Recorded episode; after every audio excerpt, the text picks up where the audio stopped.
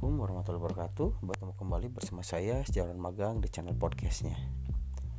Alhamdulillah kita sudah melewati hari keempat puasa di bulan Ramadan 1442 Hijriah. Dan kita masih diberi kekuatan, kita diberi kesempatan Untuk melewati, untuk menunaikan ibadah puasa tahun ini. Mudah-mudahan kita diberi kesehatan, kekuatan sampai nanti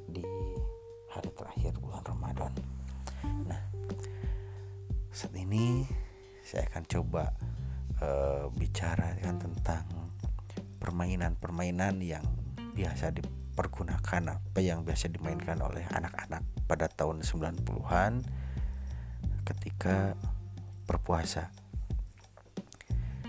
Ini permainan yang biasa saya mainkan saja ya biasa saya dan teman-teman dengan saudara-saudara dengan kakak sepupu mainkan. Nah, yang pertama itu ada monopoli.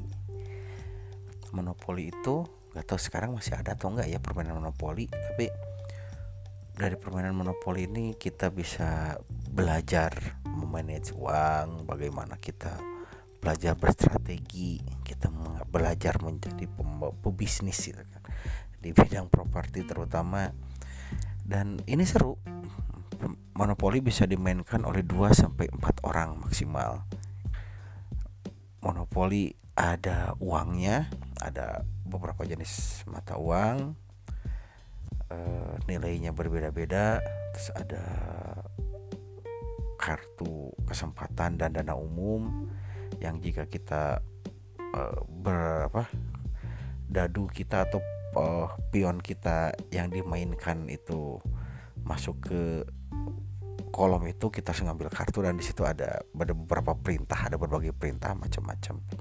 Bahkan kita bisa masuk penjara juga. Terus kita bisa beli hotel kita bisa beli properti negara apa segala macam lah. Seru seru.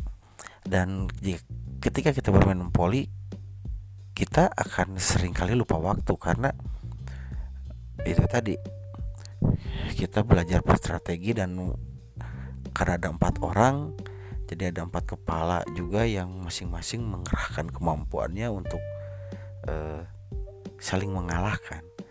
Tapi sekali lagi itu hanya permainan. Jadi walaupun kalah atau menang ya itu hanya di permainan saja. Selepas itu ya sudah tidak ada sakit hati tidak ada apa gitu kan.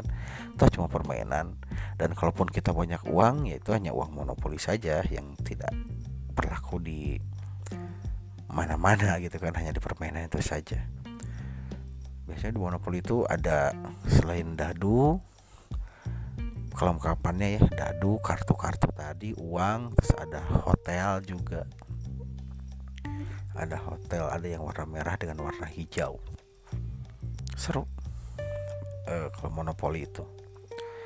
Terus ada ular tangga. Nah kalau ular tangga tingkat kesulitannya nggak terlalu sulit ya cuman hanya bermain hanya kita ngocok dadu saja satu buah dadu 1 sampai 6 kita hanya ikuti langkah kita hanya mengikuti uh, kocokan dadu yang keluar. Nah tapi di ada 100 kolom. Nah di sepanjang perjalanan itu ada tangga yang artinya kita bisa lompat, kita bisa melompati banyak kolom. Ah, ada juga ular yang jika kita menyentuh kita masuk ke kolom uh, ekor ular, kita akan turun beberapa kolom juga gitu, beberapa kotak juga. Seru, cuman kurang menantang. Dan biasanya kalau ular tangga dimainkannya ya 2 sampai 4 orang juga. Selain ular tangga ada ludo. Kalau ludo eh, empat orang sama kita memasuk memindahkan empat eh, pion kita dari satu kotak besar ke kotak eh, kecil yang ada di tengah.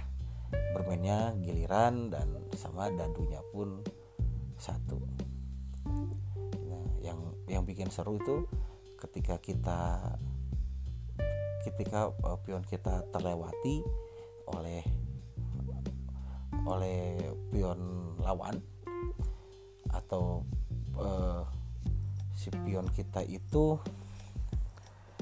sama kolomnya gitu kan. Kolom kita itu eh, sama dengan kolom musuh maka kita atau musuh akan mati dan balik lagi ke kotak awal. Jadi di situ eh, tantangannya. Lebih seru lah dibanding olahraga tangga ludo lebih seru. Terus ada juga halma. Kalau halma semacam bisa bermain juga bermain teka-teki juga apa eh, bermain strategi juga.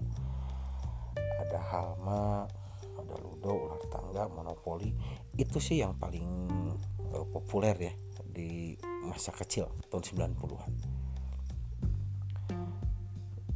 uh, eh, ada juga dart. Dart itu semacam kita bermain melempar paku uh, ke tujuan ke apa ke, ke sasaran ke bull eyes itu semakin di tengah nilainya semakin besar. Cuman dart kurang begitu populer karena harganya mahal.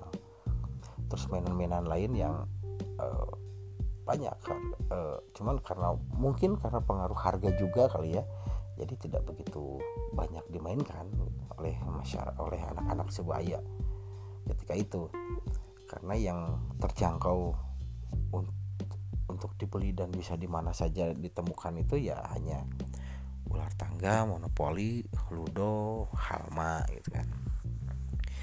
Nah, itu sedikit contoh permainan yang sering dimainkan ketika bulan puasa untuk ngabuburit. Nanti eh, besok kita akan coba bicarakan permainan lain yang dimainkan oleh banyak orang tidak terbatas oleh jumlah orang yang hanya barangkali segitu dulu pertemuan kita kali ini. Kita bertemu lagi besok di kesempatan yang sama. Wassalamualaikum warahmatullahi wabarakatuh